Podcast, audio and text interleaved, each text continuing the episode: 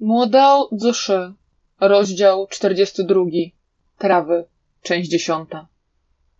Miecz Lan Wangji przeciął pierś Shueyana na skos. Nie tylko utoczył mu krwi, ale końcem ostrza wyjął sakiewkę wiążącą ducha, którą jego przeciwnik miał schowaną za pazuchą. Jednak Wei Wuxian nie widział, co się stało. Shueyan, co chcesz, żebym ci oddał? Sząchłe? To nie jest twój miecz, więc dlaczego chcesz, żebym ci go oddał? Wstydu nie masz? Seniorze Wei, naprawdę nie okazujesz łaski, prawda? Zaśmiał się Shueyan. Śmiej się, no dalej. Nawet jeśli umrzesz śmiejąc się, to nie będziesz w stanie złożyć duszy Xiao Sinczyna. Był to był tak obrzydzony, a ty i tak chcesz go ożywić, by dalej bawić się w swoje głupie gierki. Kto chce bawić się z nim w głupie gierki? krzyknął nagle Shueyan. To dlaczego ukląkłeś i błagałeś, bym pomógł ci stalić jego duszę? Oczywiście ktoś tak cwany jak Shueyan wiedział, że Wei celowo go zagadywał, by ze złości rozproszył swoją uwagę i specjalnie podniósł głos, aby Lan Wangji wiedział, gdzie atakować. Wbrew sobie i tak odpowiedział. Dlaczego? Ha! Jak możesz nie wiedzieć? Chcę z niego zrobić okrutnego trupa, złego ducha, którego będę mógł kontrolować. Czy nie chciał być cnotliwą osobą? No to sprawię, że nigdy nie przestanie zabijać i nie zazna spokoju, powiedział okrutnie. Hmm? Aż tak go nienawidzisz? To dlaczego zabiłeś Chanpina? Dlaczego zabiłem Chanpina? Zabił Shuayan? Naprawdę musisz pytać, patriarcho Ilin? Czy ci nie powiedziałem? Obiecałem, że wybiję cały klan Jejan Chan, więc nie zostawię przy życiu nawet kundla. Mówiąc, ogłaszał swoje położenie. Ciągle rozbrzmiewał dźwięk ciała rozcinanego mieczem, ale wytrzymałość Shuayana na ból była o wiele wyższa niż normalnych ludzi.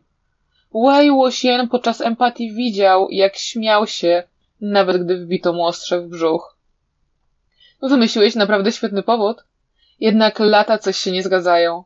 Ktoś taki jak ty, kto szuka zemsty za najdrobniejsze sprawy i bezlitośnie morduje, nie czekałby tyle lat, by wybić jeden klan, prawda? Wiesz, dlaczego zabiłeś Chanpina? No to mi powiedz, bo co ja mogę wiedzieć? Co mogę wiedzieć? Ostatnie zdanie wykrzyknął. Nie tylko go zabiłeś. Dlaczego użyłeś linszy, tortur, które reprezentują karę? Jeśli mściłeś się za siebie, to dlaczego użyłeś sząchły zamiast swojego Jiangzaya? Dlaczego wydłubałeś mu oczy, by był jak Xiao Xin Bzdury, to wszystko bzdury.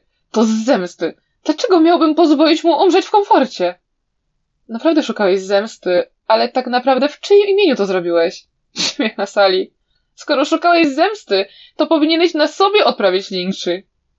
Zaszumiało i dwa ostre dźwięki przecinanego powietrza skierowały się prosto w jego stronę. Wei Wuxian nawet się nie wzdrygnął. Nin skoczył przed niego i złapał dwa gwoździe, które świeciły się czarnym, okrutnym blaskiem. Xueyan zaśmiał się przerażająco, jakby był skrzeczącą sową. Śmiech szybko zamarł, a on zamilkł. Przestał zwracać uwagę na Wei Wuxiana i powrócił do walki z Lan Wangji pośród mgły. Ten mały delikwent jest tak żywotny. Tak jakby nie czuł bólu i nic mu nie było bez względu na odniesione rany. Gdyby tylko nie przestawał mówić, a Lanjan dźgnął go jeszcze kilka razy, na pewno przestałby skakać, gdyby odcięto mu ramiona i nogi. No cóż, niestety nie łapie już przynęty. Pomyślał w duchu Wei Wuxian. Nagle spośród mgły dobiegła ich seria ostrych stuknięć. Myśląc szybko, Wei Wuxian krzyknął. Lanjan, atakuj tam, skąd dochodzą stuknięcia! Lan Wangji natychmiast zaatakował. Xueyan wydał z siebie stłumiony jęk. Chwilę później znowu rozległ się dźwięk bambusowej laski, tym razem parę metrów dalej. Lan Wangji bez ustanku kierował swoje ataki w stronę dźwięku. Mały ślepcu, nie boisz się, że rozłupię cię na kawałki za to, że tak za mną łazisz? Zagroził Xueyan. Odkąd została przez niego zabita, a Cing zawsze się przed nim ukrywała. Jednak z jakiegoś powodu Xueyan naprawdę nie przejmował się jej duchem, jakby myślał, że jest zbyt słaba, by się nią przejmować. Teraz Acing nie następowała go na krok, jakby była jego cieniem. Stukając laską i ujawniając jego pozycję, wskazywała Lan Wangji stronę, w którą powinien atakować. Ruchy Xueyana były niezwykle szybkie. Natychmiast pojawiał się gdzie indziej, ale za życia Acing była szybką biegaczką. Teraz, kiedy jest duchem, przykleiła się do niego jak klątwa. Stukała laską tak szybko, jak tylko mogła. Ostre dźwięki brzmiały blisko i daleko, z lewej i z prawej, z przodu i z tyłu. Nie dało się ich uniknąć. Jak tylko rozbrzmiały, zaraz podążał za nimi rozwój z biczynu. Początkowo Ślejan poruszał się we mgle jak w wodzie. Mógł się ukrywać i atakować z nienacka, jak tylko chciał. Jednak teraz musiał podzielić uwagę, by zająć się również Acing. Przeklinając, szybko rzucił za siebie talizman. Natychmiast po tym sekundowym rozproszeniu i mrożącym krew w żyłu krzyku Acing, Biczyn przebył jego pierś. Choć duch dziewczyny został zniszczony przez talizman Śłejana, a dźwięk oznajmiający jego pozycję przestał być słyszalny, to ten cios był poważny. Mężczyzna nie mógł być już dłużej tak nieprzewidywalny. Wśród mgły dobiegł ich dźwięk kasłania krwią. Wei Wuxian rzucił w tamtą stronę więżącą ducha sakiewkę, by uratować duszę Acing. Krążąc ciężko przez chwilę, Xueyan nagle rzucił się w jego stronę z wyciągniętymi ramionami, krzycząc Oddaj to! Niebieskie światło biczynu przecięło powietrze. Lan Wenji jednym ciosem odciął mu ramię. Krew natychmiast chrusnęła. Znajdująca się przed Wei Wuxienem mgła zabarwiła się czerwienią. Zapach krwi był tak wszechogarniający, że nawet jeden wdech przynosił ze sobą wilgotny, rdzawy odór. Jednak jego to nie obchodziło. W pełni skupił się na szukaniu i pochłanianiu fragmentów duszy dziewczyny. Z drugiej strony, choć Szwejan nie wydał z siebie ani jednego dźwięku, to dało się słyszeć ciężki odgłos kolan uderzających o ziemię. Wyglądało na to, że w końcu padł z powodu utraty krwi i nie mógł zrobić ani kroku dalej. Lan Wendzi z powrotem przywołał Biczyn. Następny atak odetnie Szwejanowi głowę. Jednak nagle niebieskie płomienie buchnęły w górę z okrytej mgłą ziemi. To płomień z talizmanu transportującego! Wuxian wiedział, że sytuacja była nieciekawa. Nie przejmując się ukrytymi we mgle niebezpieczeństwami, natychmiast ruszył do przodu i prawie się pośliznął. Tam, gdzie zapach był najsilniejszy, ziemia została pokryta mokrą i wciąż świeżą krwią z ramienia Ślejana. Ale jego nie było. Grabieżca? Zapytał Wei Wuxian, kiedy podszedł Lan Wenji. Jeden z najważniejszych narządów Ślejana został zraniony biczynem, a do tego stracił ramię. Oceniając po ilości utraconej krwi, z pewnością umrze. To niemożliwe, by wciąż miał wystarczająco sił i energii duchowej, by użyć talizmanu transportującego. Zadałem grabieżcy trzy ciosy. Kiedy prawie go złapałem, zaatakowała grupa żywych trupów, pozwalając mu uciec. Lan Wendzi przytaknął lekko. Był ranny, ale nadal zabrał zwłoki Śłejana, choć kosztowało go to wiele energii. Z pewnością wiedział, kim był Ślejan i co mógł zrobić. Zabrał jego ciało, by sprawdzić, czy miał ze sobą pieczęć tygrysa stygijskiego. Powiedział poważnie Wuxian. Krążyły plotki, że kiedy Xueyan został wyeliminowany przez Jingguan Yao, to pieczęć zaginęła. Ale oceniając po obecnej sytuacji, to bardzo możliwe, że nosił ją ze sobą. Dziesiątki tysięcy trupów, nawet okrutnych trupów, zebrało się w mieście i ciężko byłoby nad nimi zapanować, mając tylko trujący pył i kontrolujące gwoździe. Jedynie pieczęć tygrysa stygijskiego wyjaśniała, jak nimi dowolnie dowodził, każąc im go słuchać i do niego atakować. Ktoś tak cwany i nieufny nie schowałby jej gdzieś poza zasięgiem swojego wzroku. Jedynie trzymanie jej ciągle przy sobie sprawiłoby, że poczułby się bezpiecznie. Kiedy grabieżca zabrał jego ciało, zabrał też pieczęć tygrysa stygijskiego. To wcale nie była trywialna sprawa. Teraz, kiedy sytuacja zaszła tak daleko, Możemy mieć tylko nadzieję, że stworzona przez niego pieczęć ma jakieś ograniczenia. Głos Wei się był srogi. Nagle Lan Wangji rzucił coś w jego stronę. Co to takiego? Zapytał Wei Wuxian, łapiąc przedmiot bez problemu. Prawa ręka. Rzucił mu nową sakiewkę Cinklen. Przypominając sobie w końcu, po co w ogóle przybyli do miasta I, Wei Wuxian się rozpogodził. Prawa ręka naszego drogiego przyjaciela? Hmm. Pomimo przeszkód grabieżcy, grup żywych trupów i gęstej mgły, Lan Wangji wciąż udało się z powodzeniem znaleźć prawe ramię. Wei Wuxian był bardziej niż zadowolony. Nie spodziewałem się niczego innego po Han Guangdziunie, pochwalił. Teraz znowu jesteśmy o krok przed nimi. Szkoda, że to nie głowa. Chciałem zobaczyć, jak wygląda nasz przyjaciel. Cóż, chyba długo nie będę musiał czekać. Gdzie jest Songlan? Po zniknięciu zwłok Świojana przyspieszyła cyrkulacja mgły. Wydawała się przerzedzić, a otoczenie stało się lepiej widoczne. Z tego powodu Wei Wuxian nagle zauważył, że Songlan zniknął. Wen Nin kucał obok miejsca, w którym wcześniej leżał, patrząc się na nich pustym wzrokiem. Lan Wenji oparł dłoń na rękojeści miecza, chcąc go znowu wysunąć. Wei Wuxian go powstrzymał. W porządku, nie musisz się obawiać. Songlan, a raczej okrutny trup, którym się stał, prawdopodobnie nie ma już morderczych intencji. W przeciwnym wypadku Wen Nin by nas ostrzegł. Możliwe, że odzyskał świadomość i odszedł. Zagwizdał cicho. Wen wstał, a jego postać szybko zniknęła we mgle. Dźwięki ciągniętych łańcuchów stopniowo ucichły w oddali. Len Wenji odwrócił się do Wei Wuxiena, mówiąc Chodźmy. Już mieli odejść, kiedy nagle Wei Wuxian się zatrzymał. Czekaj. Zobaczył coś leżącego w kałuży krwi. To było odcięte lewe ramię. Cztery palce mocno się wokół czegoś zaciskały, a ostatniego brakowało. Wei Wuxian przykucnął. Udało mu się otworzyć palce jeden po drugim, tylko kiedy użył całej swojej siły. Jak pięść została rozsunięta, zobaczył, że wciśnięty w niej został kawałek cukierka. Był zabarwiony lekko na czarno. Zdecydowanie nie nadawał się już do jedzenia. Ściśnięto go tak mocno, że prawie się rozkruszył. Wei Wuxian i Lan Wangji razem wrócili do kostnicy. Drzwi wejściowe były otwarte. Tak jak się spodziewali, Songlan stał obok trumny, w której leżał Xiao Xing-chen, spoglądając do środka ze spuszczoną głową. Wszyscy uczniowie wyjęli miecze. Stali ściśnięci z boku, ostrożnie patrząc na okrutnego trupa, który wcześniej ich zaatakował.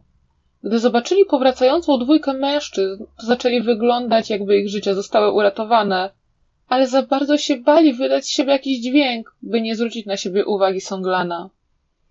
Wei Wuxian wszedł do pomieszczenia i przedstawił go Lan Wangji. To Songlan, Daojan Songzyczen. Stojąc obok trumny, Songlan uniósł głowę i odwrócił się w ich stronę. Unosząc kraniec szaty, Lan Wangji przekroczył wysoki próg w elegancki sposób i kiwnął na powitanie. Kiedy Songlan odzyskał świadomość, jego źrenice także powróciły. Patrzyła się na nich para przejrzystych, czarnych oczu. Oczu, które wcześniej należały do Xiao i teraz były wypełnione nieopisanym smutkiem. Nie było potrzeby zadawać pytań. Wei Wuxian już wiedział. Songlan widział i pamiętał wszystko, co stało się, kiedy był pod władzą Xueyana. Nieważne, ile by pytali, ile rozmawiali, to tylko jeszcze bardziej podkreśliłoby jego ból i bezsilność. Po chwili ciszy Wei Wuxian wyjął dwie małe sakiewki wierzące ducha i podał je Songlanowi. Dao Zhan Xiao Xing i panienka Acing. Choć Acing strasznie bała się Xueyana, to chwilę temu nie odstępowała swojego mordercy na krok, nie pozwalając mu uniknąć i uciec, aż w końcu został dźgnięty bicznem w serce i dostał to, na co zasługiwał. Prawie zniknęła od jednego machnięcia talizmanem. Wei Wuxianowi udało się przywrócić tylko kilka fragmentów, z całych sił ich szukając i składając. Jednak teraz jej dusza była tak samo rozproszona jak Seo. Każda ze słabych dusz była zwinięta w kłębek w sakiewce. Wydawało się, że nawet najmniejszy wstrząs sprawi, że się rozpierzchną. Drżącymi dłońmi Songlan wziął je i położył płasko na dłoni. Nie śmiał nawet nieść ich za sznurki, bojąc się, że za bardzo będą się bujały. Deo Johnson, co planujesz zrobić ze zwłokami Jangasa Singczyna? zapytał Wei Wuxian. Jedną dłonią ostrożnie obejmując sakiewki, drugą wyjął fuśłę i na ziemi napisał spalić ciało, opiekować się duszą. Teraz, kiedy dusza Xiao Singczyna była roztrzaskana, to zdecydowanie nie mogła wrócić do swojego ciała, więc spalenie go nie było takim złym pomysłem. Zostawała wtedy tylko niewinna dusza, która miała szansę na odrodzenie, jeśli będzie pod dobrą opieką. Co planujesz zrobić później? Przemierzać świat z. Egzorcyzmować zło razem z Singczynem, napisał Songlan. Po chwili dodał, kiedy się obudzi, przeproszę go i powiem, że to nie była jego wina. Właśnie tego nie udało mu się powiedzieć Xiao Xingczynowi przed śmiercią. Mgła w mieście i powoli się rozwiewała. Już prawie dało się dojrzeć ulicę i skrzyżowania. Lan Wangji i Wei Wuxian wyprowadzili grupę uczniów z porzuconej mieściny tuż przy bramach rozstając się z Songlanem. Nadal nosił ciemne szaty kultywacyjne. Stojąc samotnie, niósł dwa miecze, Shonghue i Fuxue zabierał ze sobą dwie dusze, Xiao Xingczyna i Acing, idąc inną ścieżką. Nie tą, którą przyszli do miasta i... Lance Juei patrzył się na jego ginącą w oddali postać. Xiao Xingchen, jasny księżyc, delikatny wiatr. Song Zyczyn, odległy śnieg, gryzący mróz. Ciekawe, czy znowu kiedyś się spotkają? Wei Wuxian szedł ścieżką zarośniętą chwastami. Nagle zobaczył kawałek trawy i pomyślał... To tutaj wtedy Xiao Xingchen i Yacing znaleźli Shueyana. A teraz powinieneś nam powiedzieć, co naprawdę zobaczyłeś w trakcie empatii, prawda? Dlaczego tam to miał być Shueyan? Dlaczego udawał, że jest Xiao Xingchenem? Zapytał Landini. Czy to był upiorny generał? Gdzie się podział? Dlaczego już go nie ma? Został w mieście I? Dlaczego tak nagle się pojawił? Wei Wuxian udawał, że nie słyszał drugiego zestawu pytań. Cóż, to bardzo skomplikowana historia. Kiedy skończył ją po drodze opowiadać, wszyscy byli tacy smutni, że nikt nie pamiętał o upiornym generale. Dlaczego coś takiego się dzieje? Zapłakał jako pierwszy Landini. Ten Siuejon to taki podły śmieć. Śmierć to dla niego za mało. Gdyby wróżka to była, to kazałbym jej zagryźć go na śmierć. Wściekał się Jinlin. Wuxian był przerażony. Gdyby wróżka to była, to sam umarłby ze strachu i to przed Xuanem. Chłopak, który skomplementował Acing, przytupnął. Panienko Acing! O, panienko Acing! Landini beczał najgłośniej. Wyglądał okropnie, ale tym razem nikt nie przypominał mu, by nie hałasował, bo nawet oczy Lance Jue były czerwone. Całe szczęście, że Lan Wendzi go nie uciszył. Powinniśmy spalić trochę papierowych pieniędzy Xiao Xingczynowi i panience Acing. Na skrzyżowaniu dróg jest wioska, prawda? Kupmy parę rzeczy i się za nich pomódlmy. Powiedział Lan Jini przez łzy i smarki. Pewnie, pewnie, wszyscy się zgodzili. Rozbawiając, dotarli do wioski. Lan Jini i Lan Juei szybko wbiegli do sklepu i wynieśli z niego kilka różnych kadzideł, świec i papierowych pieniędzy. Schodząc na bok drogi, z cegieł i kamieni zbudowali coś, co przypominało piec. Wszyscy chłopcy przykucnęli obok niego, paląc pieniądze, mamrocząc i posycając ogień. Wei Wuxian też nie był w dobrym nastroju. Po drodze nawet nie opowiedział zbyt wielu żartów. Widząc to, nie mógł dłużej tego znieść. Odwrócił się w stronę Lan Wendzi. Guandziun, zobacz, co robią tuż przed domami innych ludzi. Nawet ich nie powstrzymujesz. Ty możesz ich powstrzymać, powiedział obojętnie Lan Wendzi. Dobrze, zdyscyplinuję ich dla ciebie. Szybko podszedł do chłopców.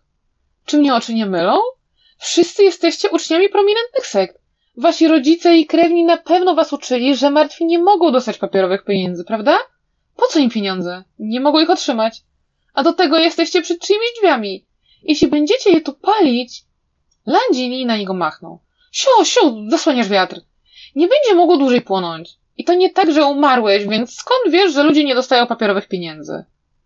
Odwrócił się do niego inny chłopiec z twarzą pokrytą popiołem i łzami, przytakując.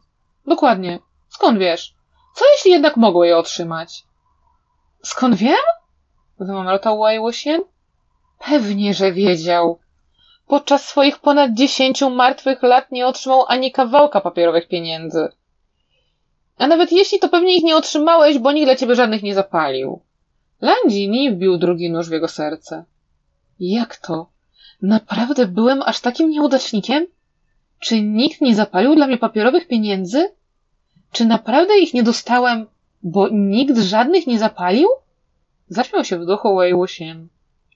Im dłużej o tym myślał, tym bardziej czuł, że to niemożliwe. Odwrócił się, szepcząc do Lan Wangji. Han Wanjun, paliłeś dla mnie papierowe pieniądze? Przynajmniej ty to zrobiłeś, prawda?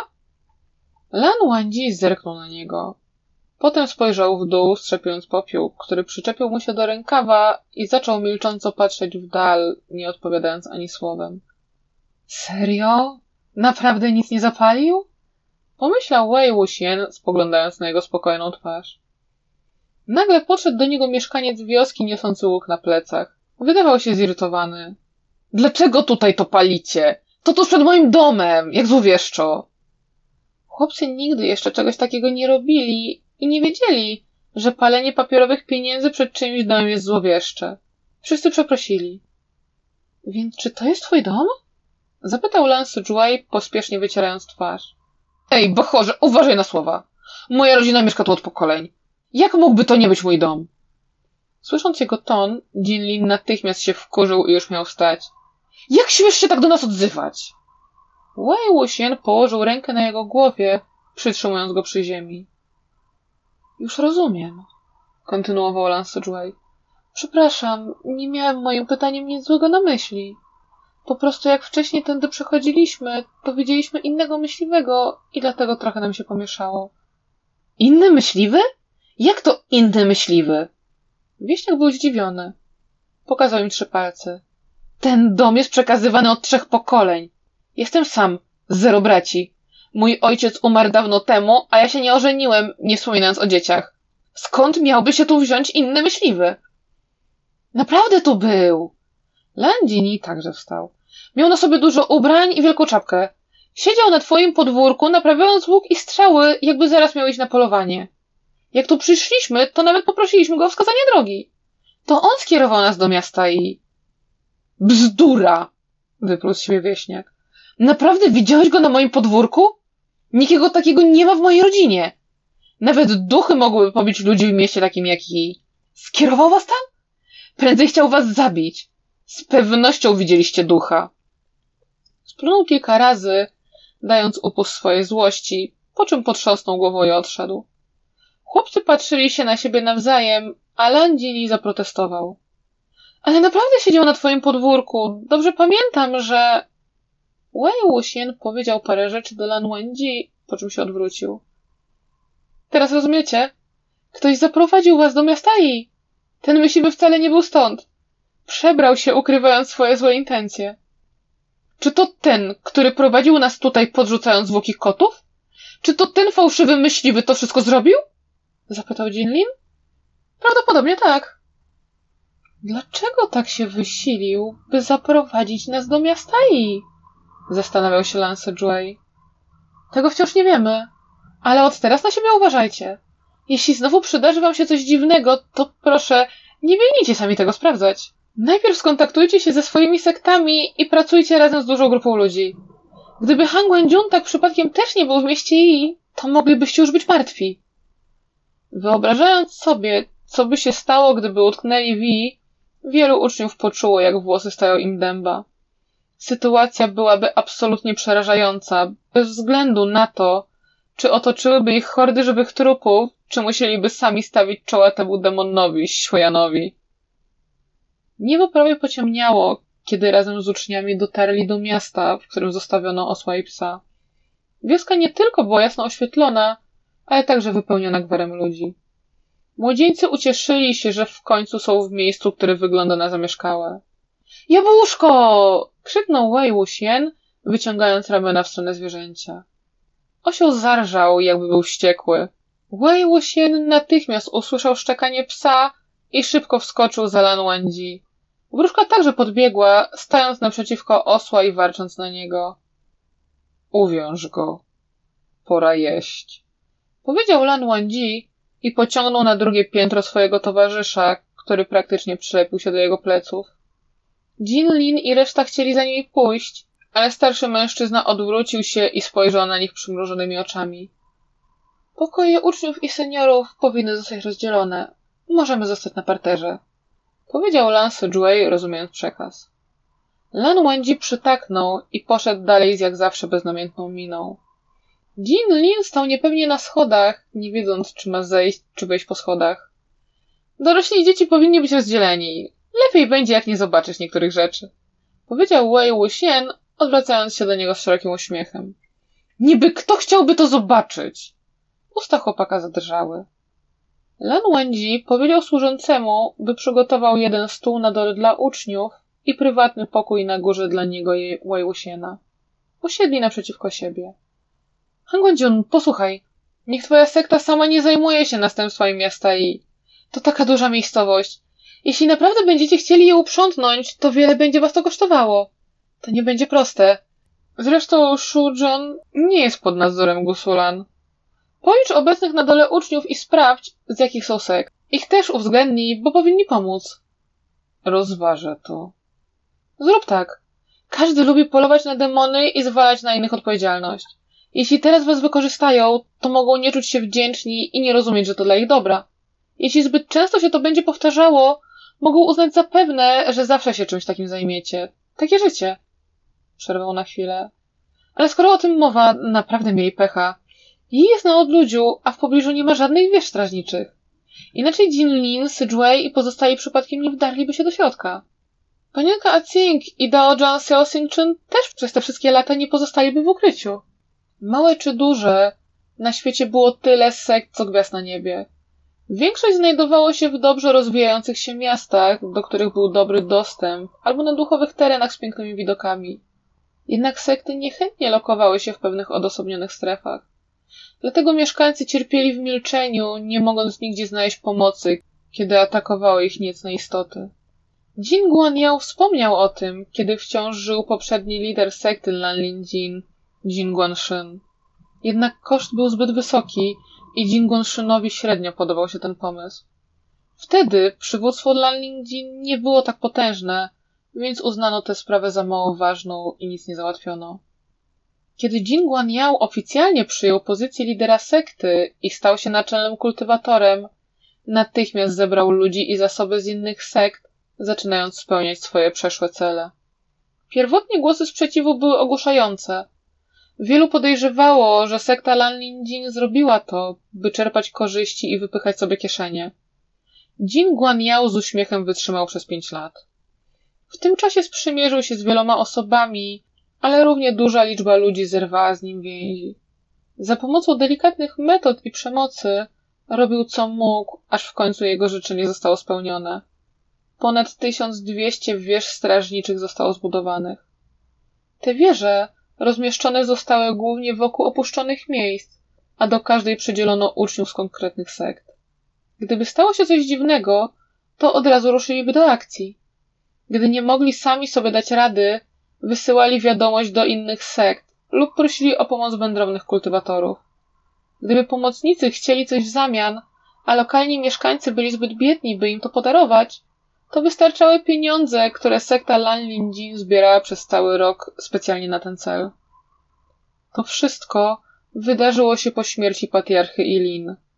Wei Wuxian słyszał tylko to i owo od Lan Wangji, gdy podczas podróży mijali kilka wież strażniczych.